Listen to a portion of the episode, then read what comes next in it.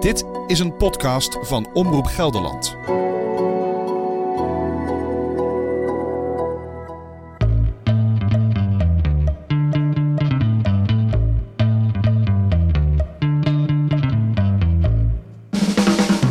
Vier dagen lang lopen zo'n 45.000 wandelaars de Nijmeegse Vierdaagse.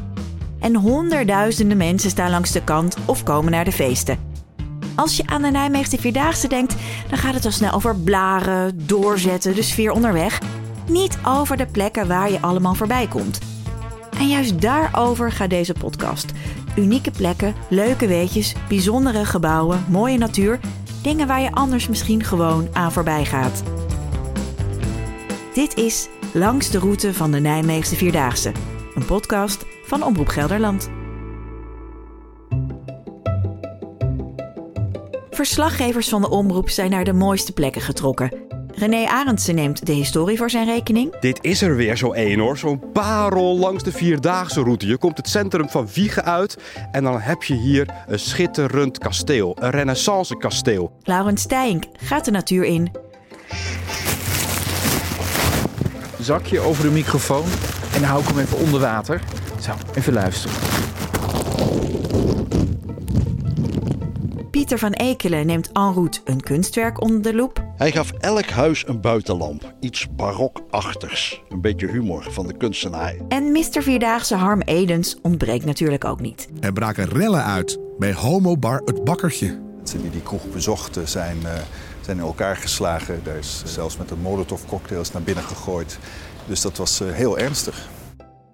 En ik, ik ben Anne Rutgroen, historicus en programmamaker en woon al meer dan 20 jaar in Nijmegen. In deze podcastserie ben ik je gids en reisleider en neem je mee langs de routes van alle vierdaagse dagen. Deel 2 van deze serie, de dag van Wiegen. En die dag is natuurlijk ook wel bekend als Roze Woensdag. En Harm gaat met René van Soeren van het COC de Nijmeegse binnenstad in.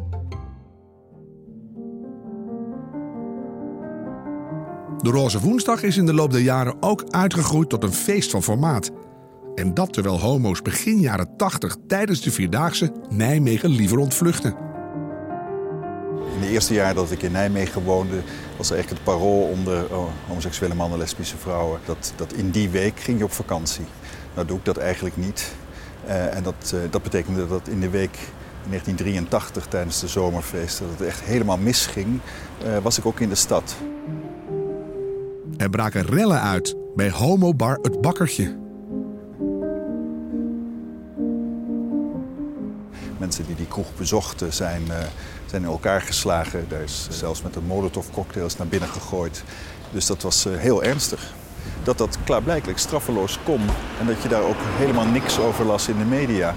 Eh, daar las je niet anders dan dat de zomerfeesten het, uh, een geweldig feest waren met weer een record aantal uh, bezoekers enzovoort enzovoort. Dus toen hebben mensen eens gekeken, moeten we daar niet tegen in actie komen? En dat is uiteindelijk in die week ook gebeurd.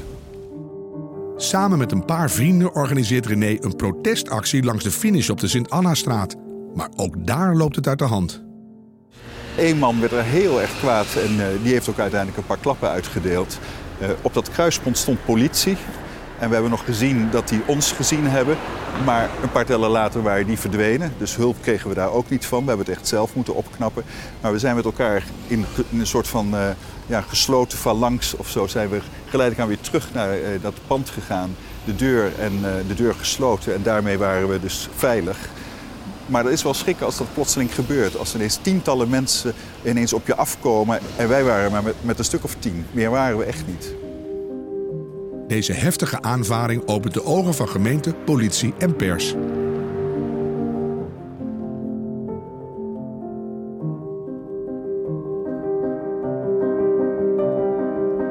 Werelden van verschil. Dat ik daar op die vrijdagmiddag stond en met dat geweld geconfronteerd werd, had ik niet kunnen denken dat dat zo snel zou veranderen. De stad omarmt een roze feest langs de route in de binnenstad. Roze Woensdag groeit uit tot een fenomeen.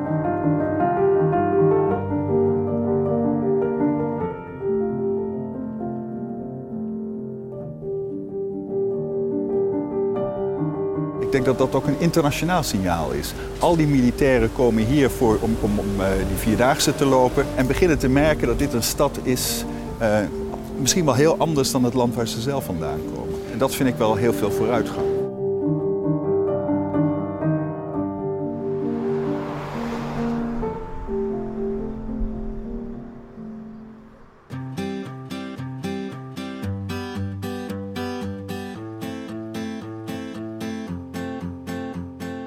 Ja, vooral aan het eind van Roze Woensdag barst het feest los. De eerste kilometers van vandaag gaan door de buitenwijken van Nijmegen. En waar sommige wijken nieuw uit de grond worden gestampt, zijn er ook plekken die door de uitbreidende stad zijn opgeslokt. Zoals Hatert. Vanaf de middeleeuwen was dat een zelfstandig dorp tot de jaren 60. Voor het groeiende aantal inwoners van Nijmegen zijn er dan huizen nodig. Veel huizen. En Hatert is daarvoor in de ogen van de gemeente een heel geschikte plek. En door de nieuwbouw groeit Hatert van ruim 200 huizen naar zo'n 4000 woningen. Van de oude dorpskern is weinig meer over. De route van de Vierdaagse gaat er zelfs recht overheen, zonder dat de lopers dat weten. Want voor de aanleg van de nieuwe brug over het Maaswaalkanaal verdwijnen de oude dorpskerk en twee kroegen. Het is ruim 50 jaar geleden dat de kerktoren is gesloopt. Ongeveer in dezelfde tijd groeit Hatert vast aan Nijmegen en is van een zelfstandig dorp geen sprake meer.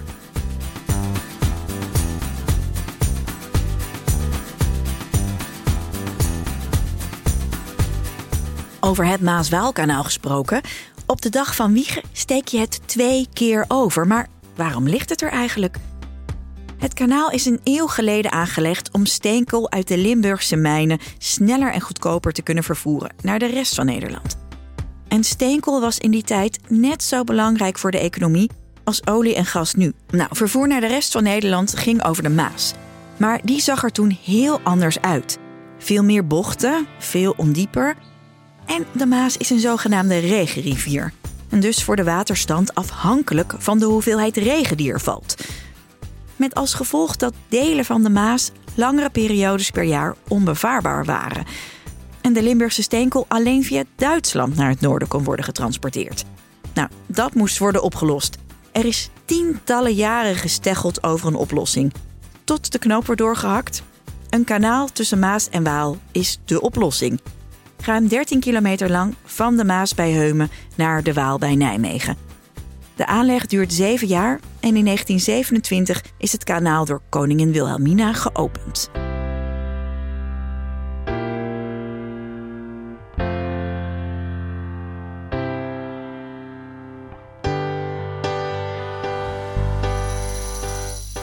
En vlak buiten de bebouwde kom van Nijmegen ligt een prachtig natuurgebied met maar liefst 20 vennen. Maar hoe zijn die vennen eigenlijk ontstaan? Laurens gaat bij Katelijne Hogendoorn van Staatsbosbeheer op zoek naar het antwoord.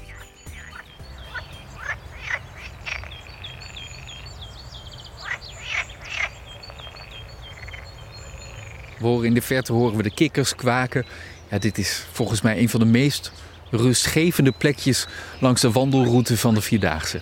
Ja, zeker. Het is, uh, we staan hier midden in het Vennengebied. Uh, een gebied met superveel diversiteit. Bos, heide, natte vennen, uh, verschillende soorten planten en dieren. Dit is een heel bijzonder stukje natuur, zo, uh, zo dicht bij de stad. Wat heb jij als boswachter met deze plek? Het is echt, wat je net zei, echt een oase van rust. druk bezocht, maar er is altijd wel een plekje waar je kan zitten. Even met je gezicht in het zonnetje.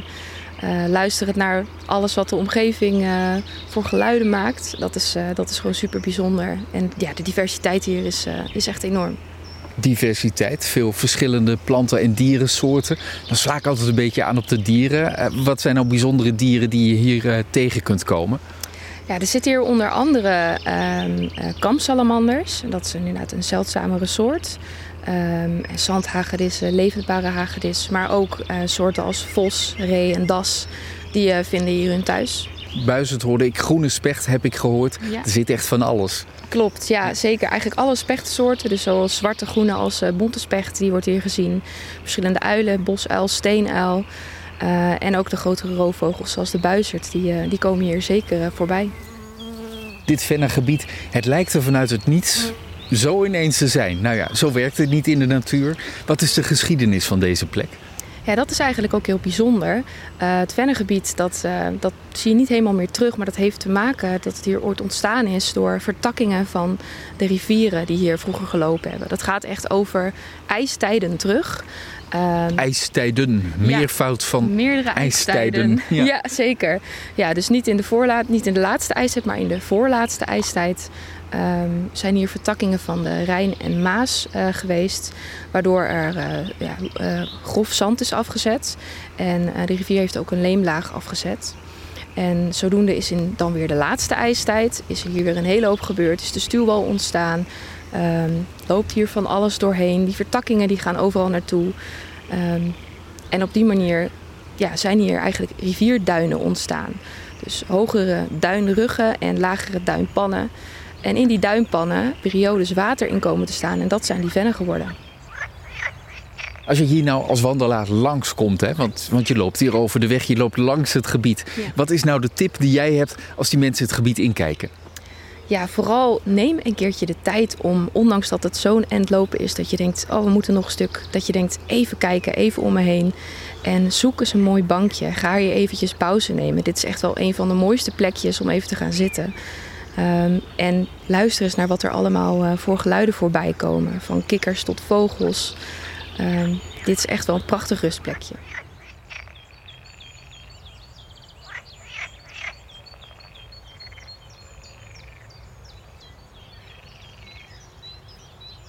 En vanaf de Venne ben je al bijna in Alverna, het eerste dorp langs de route op de dag van Wiegen.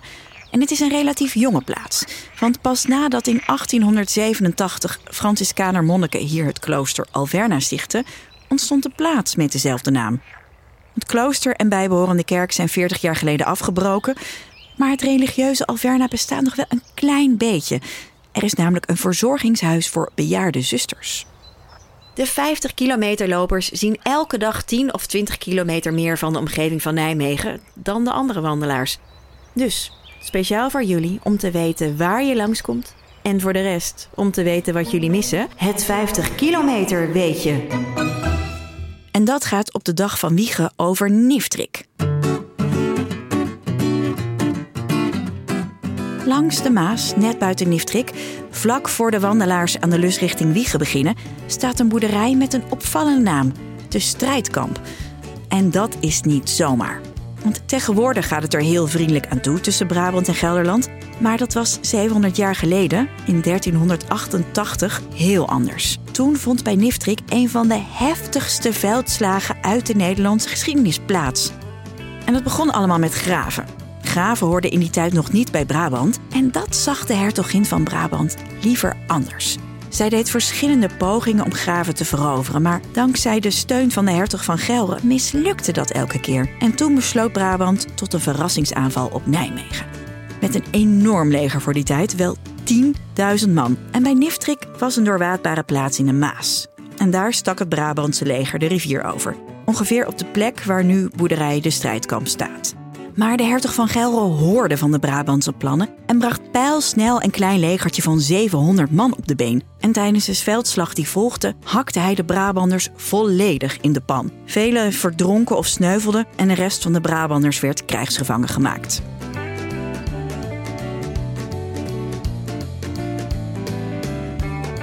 En dan gaat de route verder naar Wiegen. En waarom zeg je eigenlijk Wiegen terwijl je Wijgen schrijft?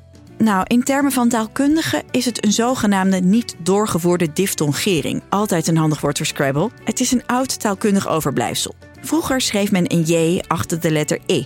Om aan te geven dat je die niet als E moest uitspreken, maar als I.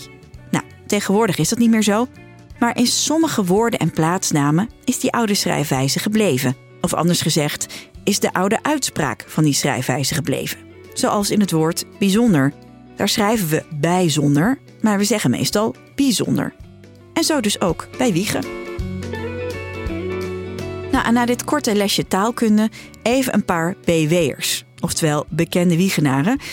Cabaretier Pieter Derks is er geboren en het is echt een man van deze vierdaagse dag, want hij groeide op in Beuningen en woont tegenwoordig in Nijmegen. En dan twee grote mannen uit de voetbalwereld die ook uit Wiegen komen. Fred Rutte, afgelopen seizoen assistent trainer bij PSV en Roy Makai. Die speelde bij topclubs in Spanje en Duitsland en het Nederlands elftal. En Makai heeft nog steeds het snelste doelpunt in de Champions League ooit op zijn naam staan. In 2007 scoorde hij in een Champions League wedstrijd na 10 seconden en 12 honderdste. En midden in Wiegen staat het kasteel. En dat kasteel speelt de hoofdrol in een mooi liefdesverhaal. En René vertelt je hoe dat zit. Dit is er weer zo één hoor. Zo'n parel langs de vierdaagse route. Je komt het centrum van Wiegen uit en dan heb je hier een schitterend kasteel. Een renaissance kasteel. Er zijn veel kastelen in Nederland, maar zo mooi als dit kasteel vind je ze niet heel erg vaak. Het is een kasteel van middeleeuwse oorsprong, maar op de middeleeuwse fundamenten is in het begin van de 17e eeuw dit kasteel gebouwd. Met een grote toren in het midden, kleine arkeltorentjes op de hoeken en helemaal in de stijl van die tijd. En het kasteel is gebouwd door niemand minder dan een dochter van Willem van Oranje, Emilia van Nassau, uit zijn tweede huwelijk met Anna van Saxe. Zijn een paar kinderen geboren, een jongen, Maurits, en dan zijn zusje Emilia. En Emilia die was zo ondeugend om te trouwen met een Portugese prins, een katholieke prins, in de 80-jarige oorlog, in de strijd van de protestantse Nederlandse Republiek tegen de katholieke koning van Spanje. En wat deed deze protestantse prinses Emilia? Die trouwde tegen de zin van haar broer in met een Portugese katholieke prins. Ze trouwden dus toch, ondanks de wil van haar broer. En ze trokken zich terug hier op het kasteel van Wiegen. Ze hebben nou ja, de ruïne gekocht en hebben dit schitterende 17e eeuwse gebouw laten optrekken.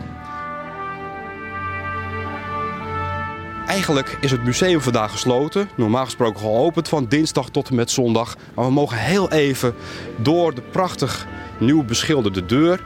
In de kleuren van het kasteel, wit en donkergroen. En dan kunnen we kijken op de binnenplaats van het kasteel. En die binnenplaats is bij de laatste restauratie helemaal overdekt. Met een prachtig glazen plafond kijk je tegen de toren aan.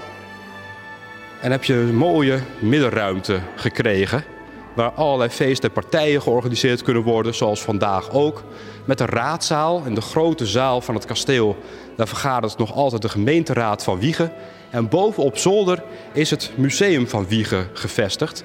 Met prachtige vondsten uit de prehistorie, uit de bronstijd, uit de Romeinse tijd, toen in Wiegen ook al veel bewoning was.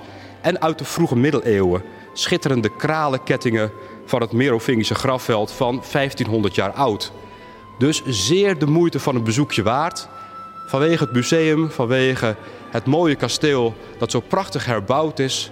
En alles in de geest van Emilia van Nassau. De prinses die ons hier toelacht in de ontvangsthal. En die zo ondeugend was om met een katholieke prins te trouwen. Ze kregen trouwens veel kinderen, Emilia met haar man Don Emanuel. Maar helaas is het huwelijk niet goed afgelopen. Het paar is gescheiden omdat de Portugese prins uiteindelijk toch partij koos voor de Spanjaarden en zich vestigde in Brussel. Dat heeft Emilia hem niet vergeven. Zij is vertrokken van het kasteel en uiteindelijk overleden in Genève. Het kasteel is nog één keer de brand verwoest aan het begin van de 20e eeuw en daarna weer opgebouwd en onlangs dus prachtig gerestaureerd. Ga het een keertje bekijken. Het kasteel van Wiegen.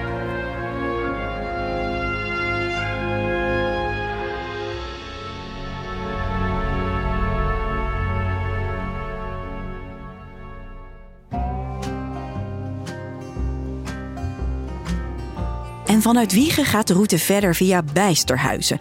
En dat is misschien niet de mooiste plek van de Vierdaagse, maar wel een belangrijke. Want het is het grootste bedrijventerrein van Gelderland.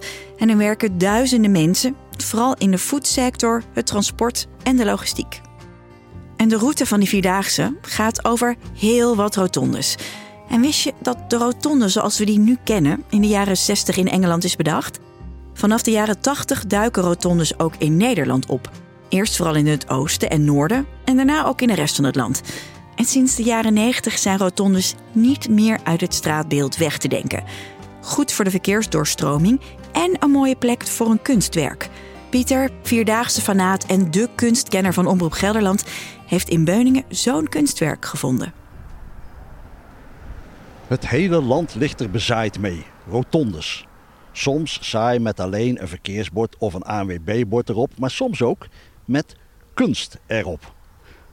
Als wandelaar van de Vierdaagse passeer je deze dagen ook heel wat van die rotondes. Zoals bij het binnenkomen van Beuningen, vanuit Wiegen. Ook hier op de rotonde kunst. Het Spiegelhuis uit 1996. Twee huizen bovenop elkaar. Het onderste huis staat omgekeerd met het dak in het gras. Het andere staat er goed bovenop, gewoon met de punt van het dak naar de lucht. Het is geen massief iets waar je frontaal tegenaan kijkt, maar meer een stellage waar je makkelijk langs of doorheen kijkt. En dat is precies de bedoeling van kunstenaar Hans van den Ban. Want toen hij de opdracht kreeg, mocht hij maken wat hij wilde. Maar het kunstwerk op die rotonde mocht ook niet te veel het verkeer afleiden. En dus maakte hij alleen de contouren van de huizen.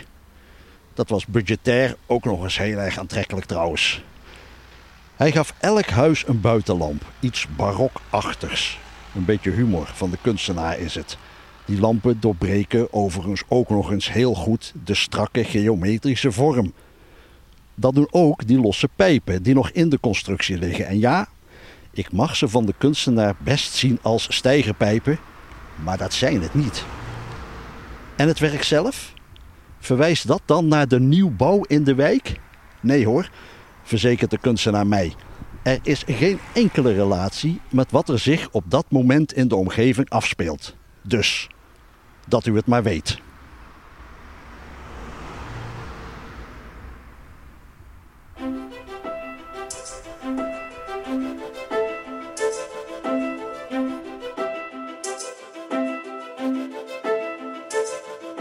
En als je vanuit Weurt richting Nijmegen gaat, kom je over een rijksmonument dat je misschien niet meteen als een monument herkent.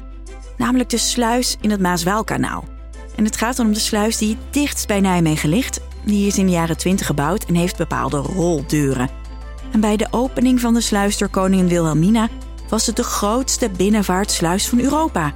En die sluis is nodig omdat het waterpeil in het kanaal anders is dan in de Waal.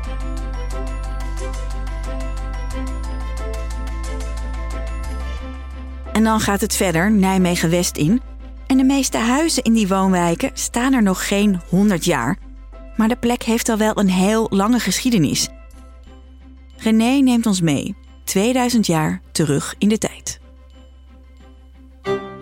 Iets ten westen van de Nijmeegse binnenstad, daar ligt nu de wijk Het Waterkwartier. En geloof het of niet, maar dit is de plek waar 2000 jaar geleden de grootste Romeinse stad in Nederland ooit lag. Ulpia Noviomagus. Het was een echte Romeinse stad, zeg maar klein Rome aan de Waal, met fora, pleinen dus, met tempels, met een muur eromheen en Romeinse poorten, met een groot badhuis, een volwaardige Romeinse stad. Helaas zien we weinig meer terug van dat grootse Romeinse Nijmegen hier in het waterkwartier. Op een pleintje staan vier kleine zuiltjes, een paar informatiepanelen, een enkel piepklein kunstwerkje, maar verder helemaal niks. En dat vindt Paul van der Heijden erg jammer. Hij is Nijmegenaar en weet alles over de geschiedenis van de Romeinen in zijn stad. Paul neemt ons mee naar het Romeinse Nijmegen Ulpia Noviomagus van 2000 jaar geleden.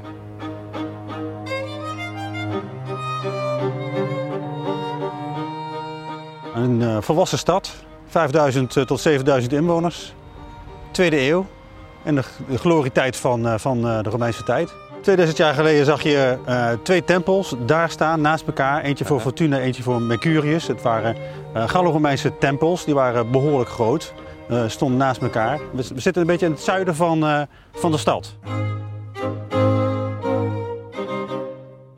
Het bijzondere is dat wij eigenlijk hier in het centrum uh, komen. Het oude centrum van, van de Romeinse stad.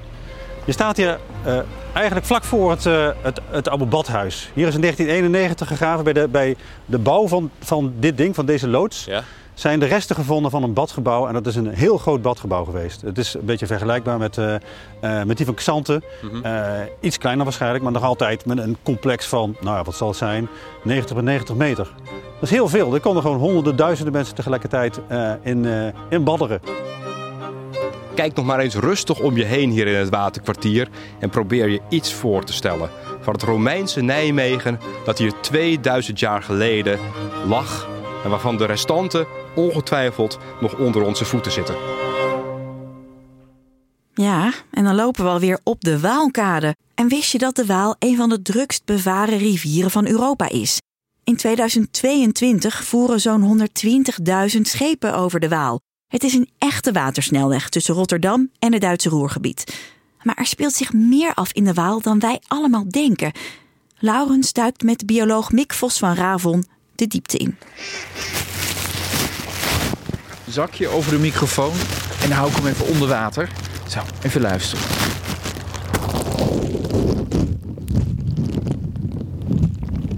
Zo klinkt het onder water. Eh, het is vrij stil, maar er is een heel leven wat wij dus niet zien, wat er wel onder water is.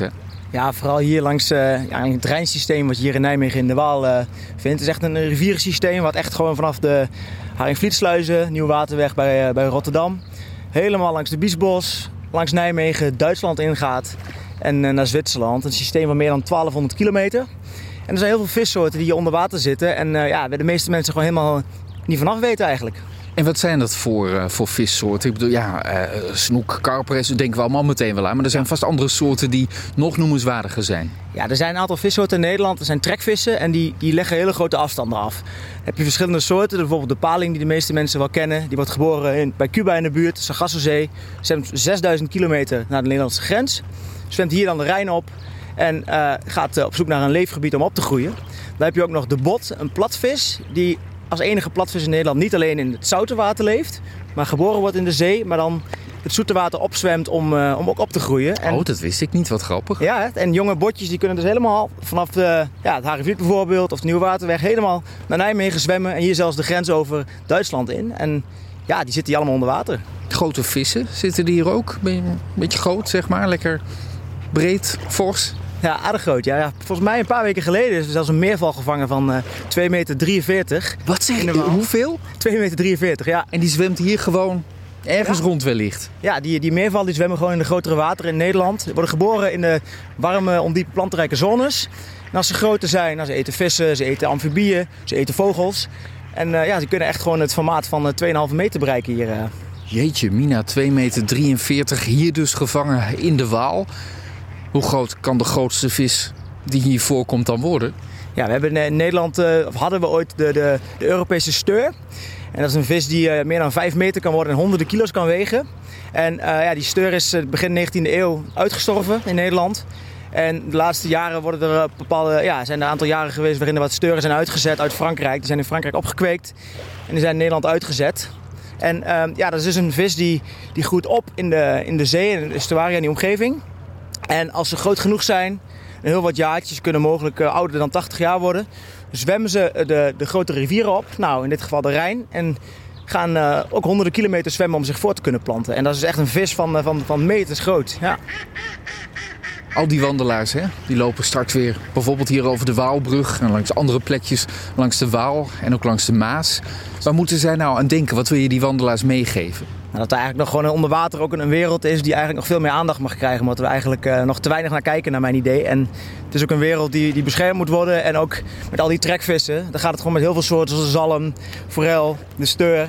Gaat daar helemaal niet zo goed mee. En ja, daar moeten we gewoon wat aan doen. En ja, hoe meer bewustzijn en hoe meer mensen weten hoe bijzonder die onderwaterwereld is, hoe, uh, ja, hoe verder we komen, denk ik.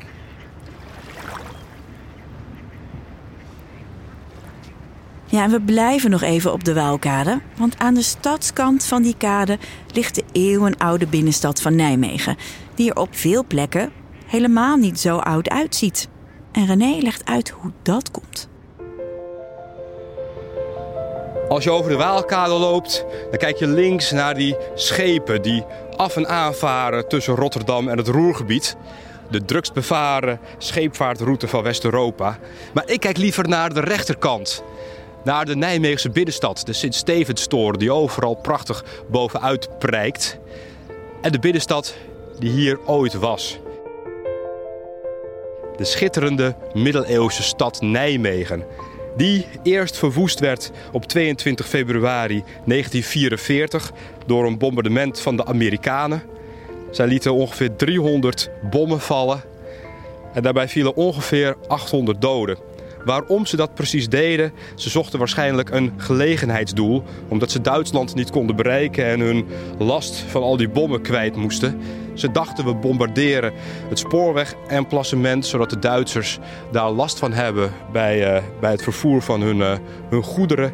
Maar de bommen kwamen net verkeerd terecht en troffen de Nijmeegse binnenstad. De kraters kunnen we nog altijd zien in de nieuwbouw van na de Tweede Wereldoorlog. Maar de benedenstad, hier zo langs de Waal, bleef redelijk gespaard tijdens die bombardementen van de Tweede Wereldoorlog.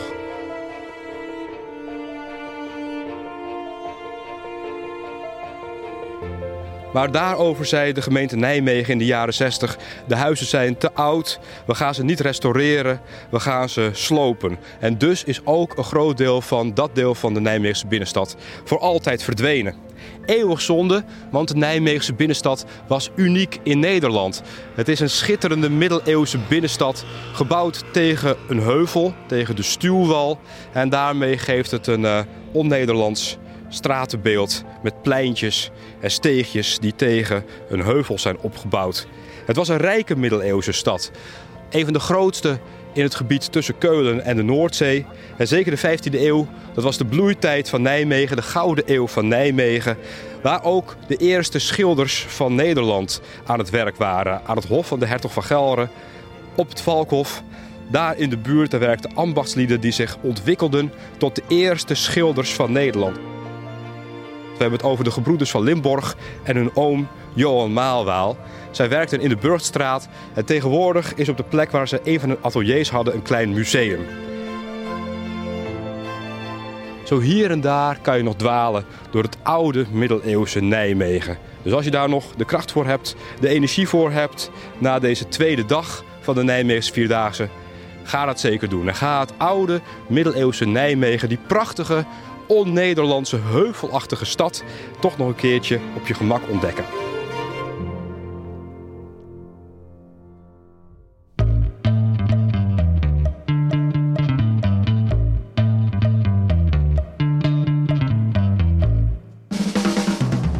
Ja, en na de dag van Wiegen volgt de zware derde etappe, de dag van Groesbeek. En daarover gaat de volgende aflevering van deze podcast langs de route van de Nijmeegse Vierdaagse waarin Laurens uitzoekt waarom deze route zo heuvelachtig is.